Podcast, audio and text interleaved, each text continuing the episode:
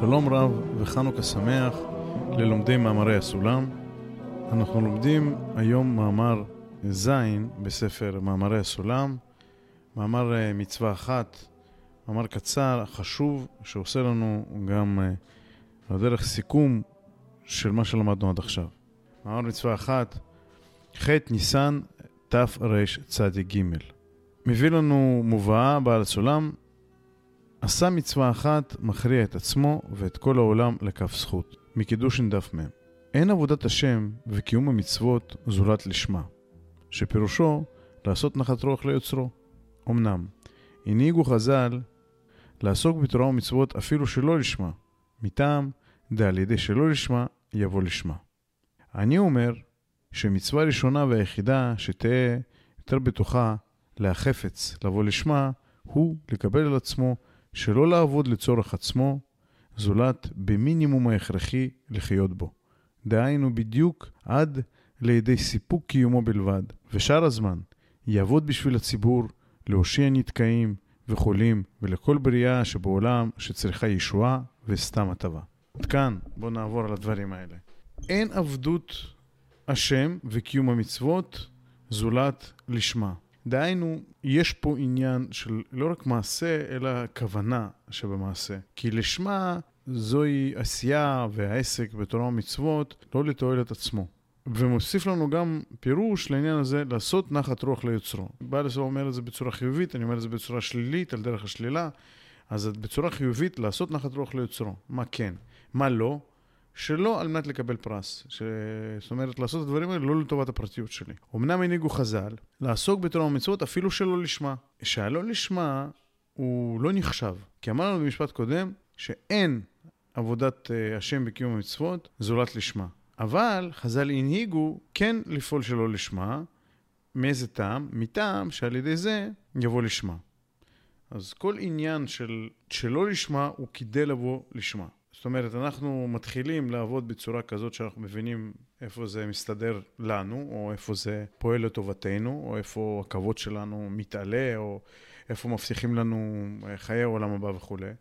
אבל סוף כל סוף, הלא לשמה הזה, צריך להביא אותנו לשמה.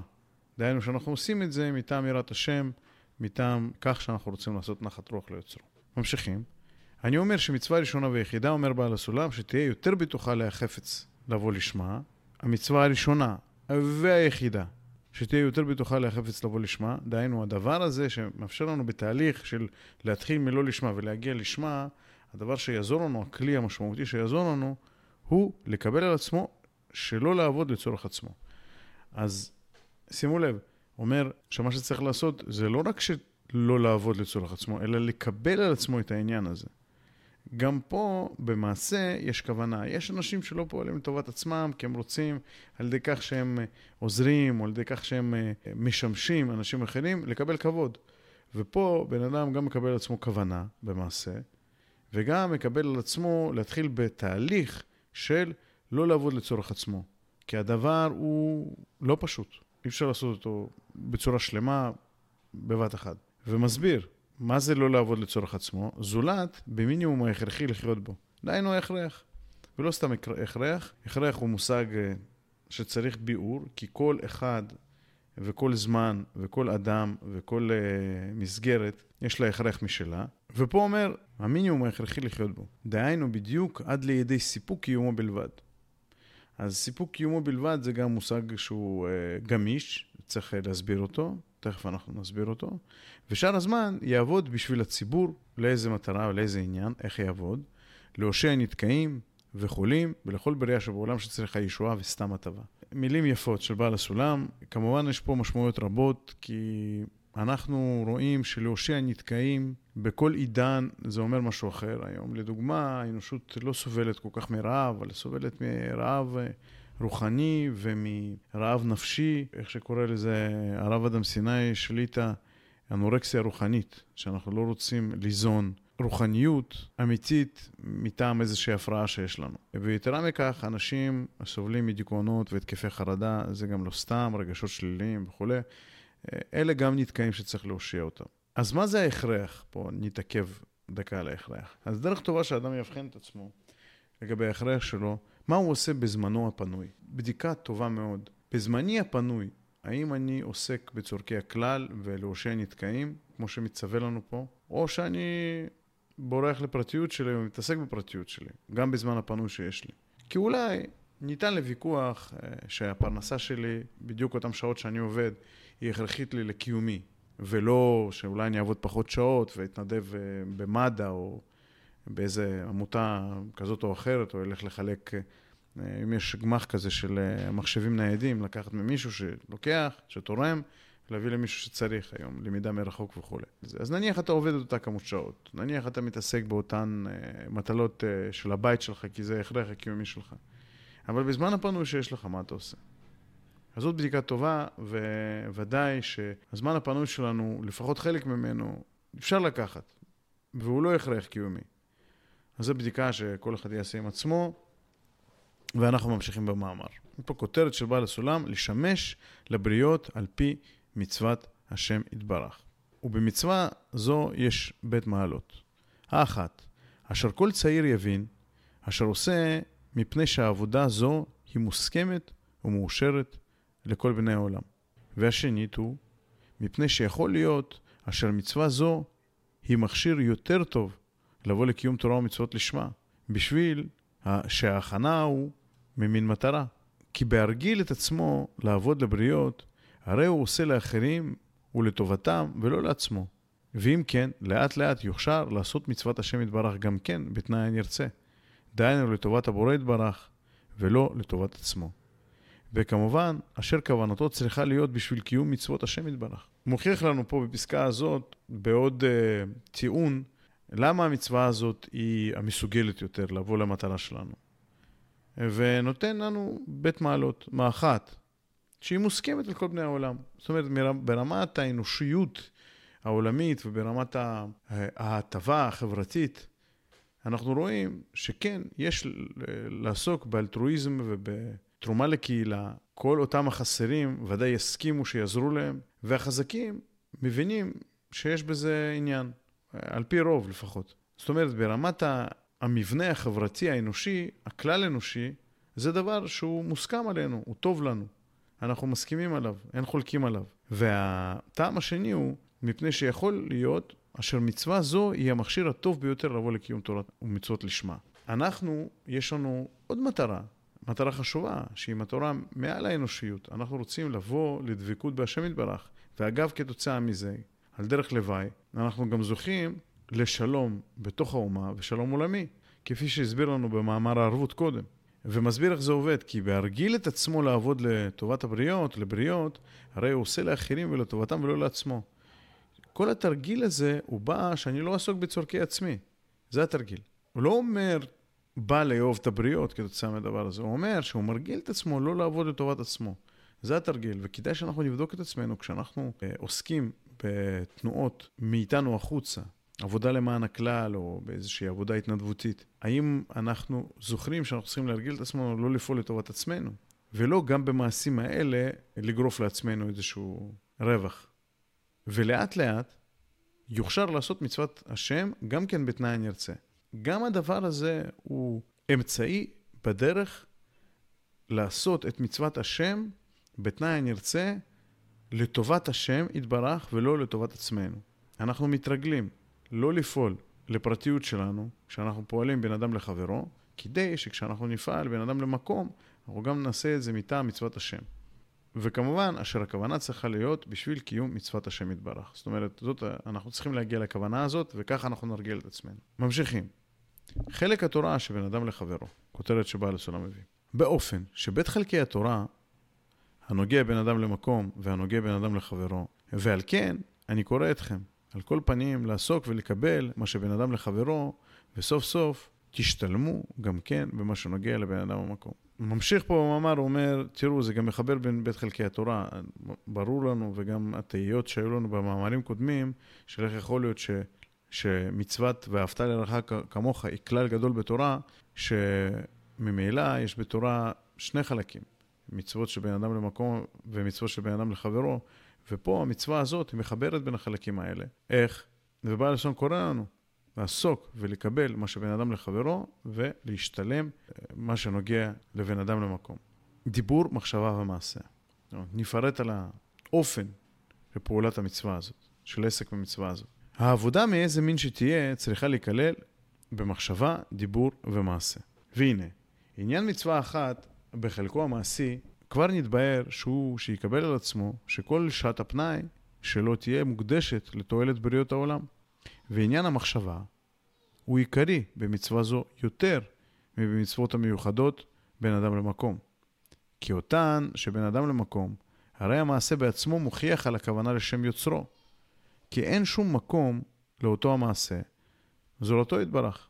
אמנם, אותם שבין אדם לחברו אשר מוצדקים בתוך עצמם, מתוך המצפון האנושי המחייב טעם, ואם יעשה מנקודת השקפה הזאת, ודאי שלא יעשה כלום. כלומר, שהמעשים לא יביאו לידי קרבת השם יתברך ולידי עבודה לשמה ממש. אשר על כן, צריך כל אחד ואחד לחשוב במחשבתו שעושה כל אלה רק בשביל לעשות נחת רוח ליוצרו ולהידמות לדרכיו. מהו רחום? אף אנו מרחמים. מהו משפיע תמיד טובות? אף אנו כן, וכולי.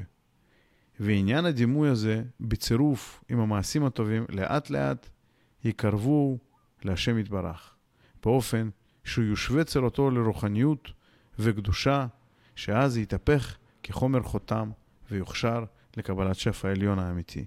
ועניין הדיבור הוא תפילה בפה, בשעת העבודה ובזמנים קבועים, שיזכהו השם יתברך להפוך ליבו מקבלה להשפעה, וכן להגות בתורה ובעניינים המביאים התהפכות הזו. כאן נגמר המאמר, אנחנו נעבור על הקטע האחרון ונסכם.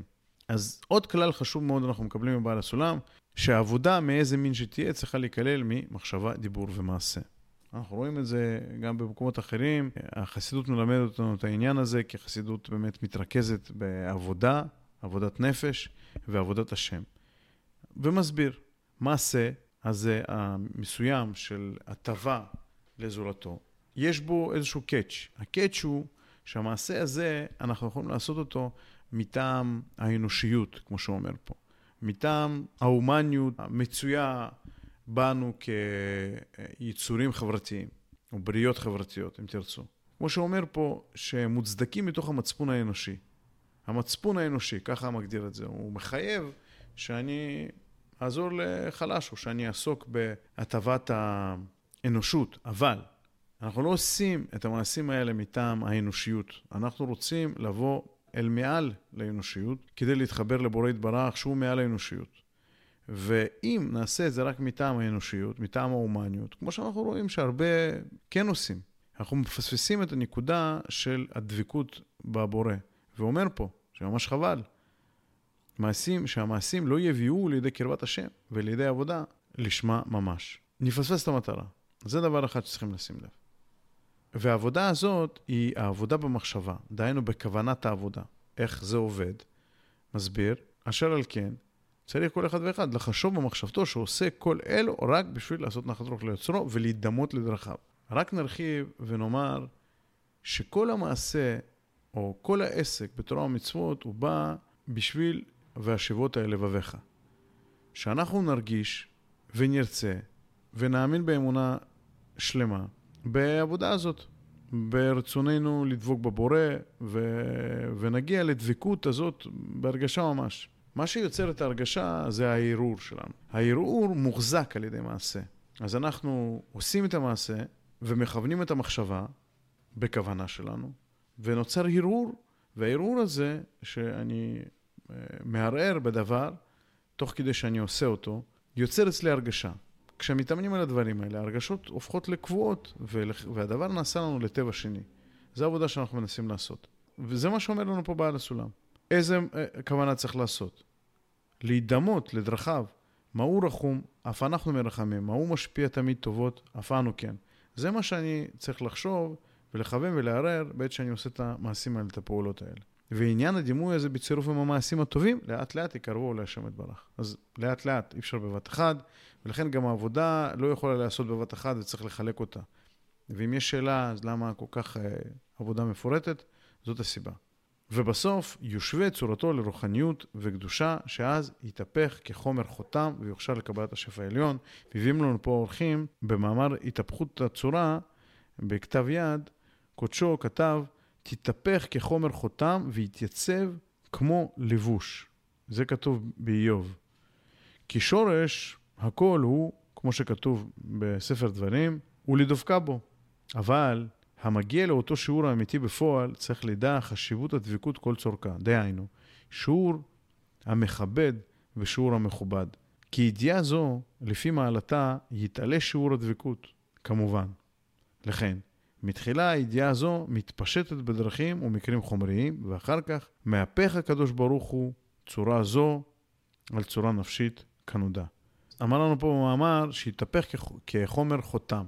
זה אומר שאנחנו עובדים לאט לאט, שקודם כל אנחנו עושים איזושהי עבודה יותר גסה, אפילו מזייפים, כן? עובדים שלא לשמה, ואז הקדוש ברוך הוא עושה את ההיפוך ואנחנו מקבלים את ההרגשה השלמה של דבקות בהשם. זו ידיעה משמחת, כי סוף כל סוף אנחנו רק צריכים לעשות את החלק שלנו, ואם אנחנו לא רואים איך אנחנו יכולים להגיע למטרה הזאת, אז הקדוש ברוך הוא שותף איתנו בעסק הזה והוא יעזור לנו. וחלק אחרון פה מדבר על תפילה והגות בתורה, שזה עניין הדיבור. אז מהו דיבור? דיבור הוא תפילה בפה, ואנחנו יודעים, ופה הוא נותן לנו שני הבחנים, בשעת העבודה או בזמנים קבועים.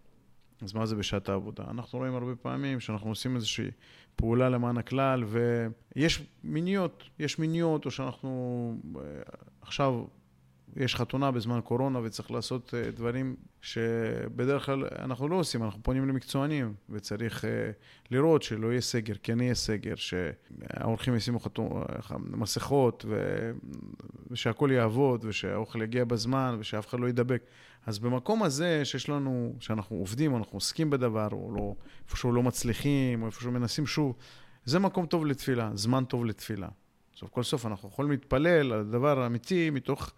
חיסרון מצד אחד, שאולי אנחנו לא מצליחים מצד אחד, מצד שני, מתוך מטרה שאנחנו רוצים שתבוא תוצאה טובה. וגם בזמנים קבועים. בזמנים קבועים שאנחנו באים לתפילה להתאמן, כל פעם להתאמן ולכוון את הלב. כי מהי תפילה? עבודה שבלב. בשעת עבודה יש להתפלל, ובזמנים קבועים. מה התפילה צריכה להיות? שיזכירו השם יתברך להפוך ליבו מקבלה להשפעה. זאת התפילה צריכה להיות. וקודם כל צריך להקדים תפילה לתפילה, שבכלל אני ארצה להתפלל, אני ארצה לבקש מהשם את הדבר הזה, כי מה פתאום שאני ארצה להיות משפיע ולא מקבל? הרי אני מבין שמקבלה אני נהנה. אז זה חלק מעבודת הדיבור. ועוד דבר, ממש אומר את זה בחצי משפט בסוף, וכן להגות בתורה ובעניינים המביאים התהפכות זו. ולא הסביר. רק להגיד שההרגשה שלנו היא מושפעת או נובעת מתוך ערעור, והערעור הוא מתחיל במחשבה. ומה שקורה זה שבלימוד התורה אנחנו מתקנים כבר את המחשבה, ולכן אנחנו יכולים כבר במקום הזך הזה לתקן את ההרגשות שלנו ואת ההרגישים השונים שלנו. ולשנות את ההתייחסות שלנו למציאות, כמו שאמרנו במאמרים קודמים, ולהסכים למציאות אה, ההשגחה בשכל וכתוצאה מזה, גם לשנות את ההתייחסות הנפשית שלנו למציאות שיש. וכל זה למה? כדי שנגיע לעניין ההתהפכות הזאת, שנרצה להיות משפיעים ולא מקבלים. עד כאן מאמר מצווה אחת, שהוא מאמר נפלא ומסכם את העבודה הנרצית מאיתנו, וגם מסכם בצורה מאוד מאוד מאוד קצרה, עם uh, מה שנקרא action item, נקודה לפעולה, איך לפעול ואיך לעשות. אז אני מזמין את כולם לחשוב איפה הם יכולים לגזור מיומם זמן שבו הם לא עוסקים לצורכי עצמם, אלא עוסקים בפעולה מחוץ אליהם כדי לבוא לדבקות בצורת השם יתברך, מה הוא משפיע, גם אנחנו רוצים להיות משפיעים. שיהיה לכם שבוע נפלא, שבוע טוב, חנוכה שמח וחודש טוב.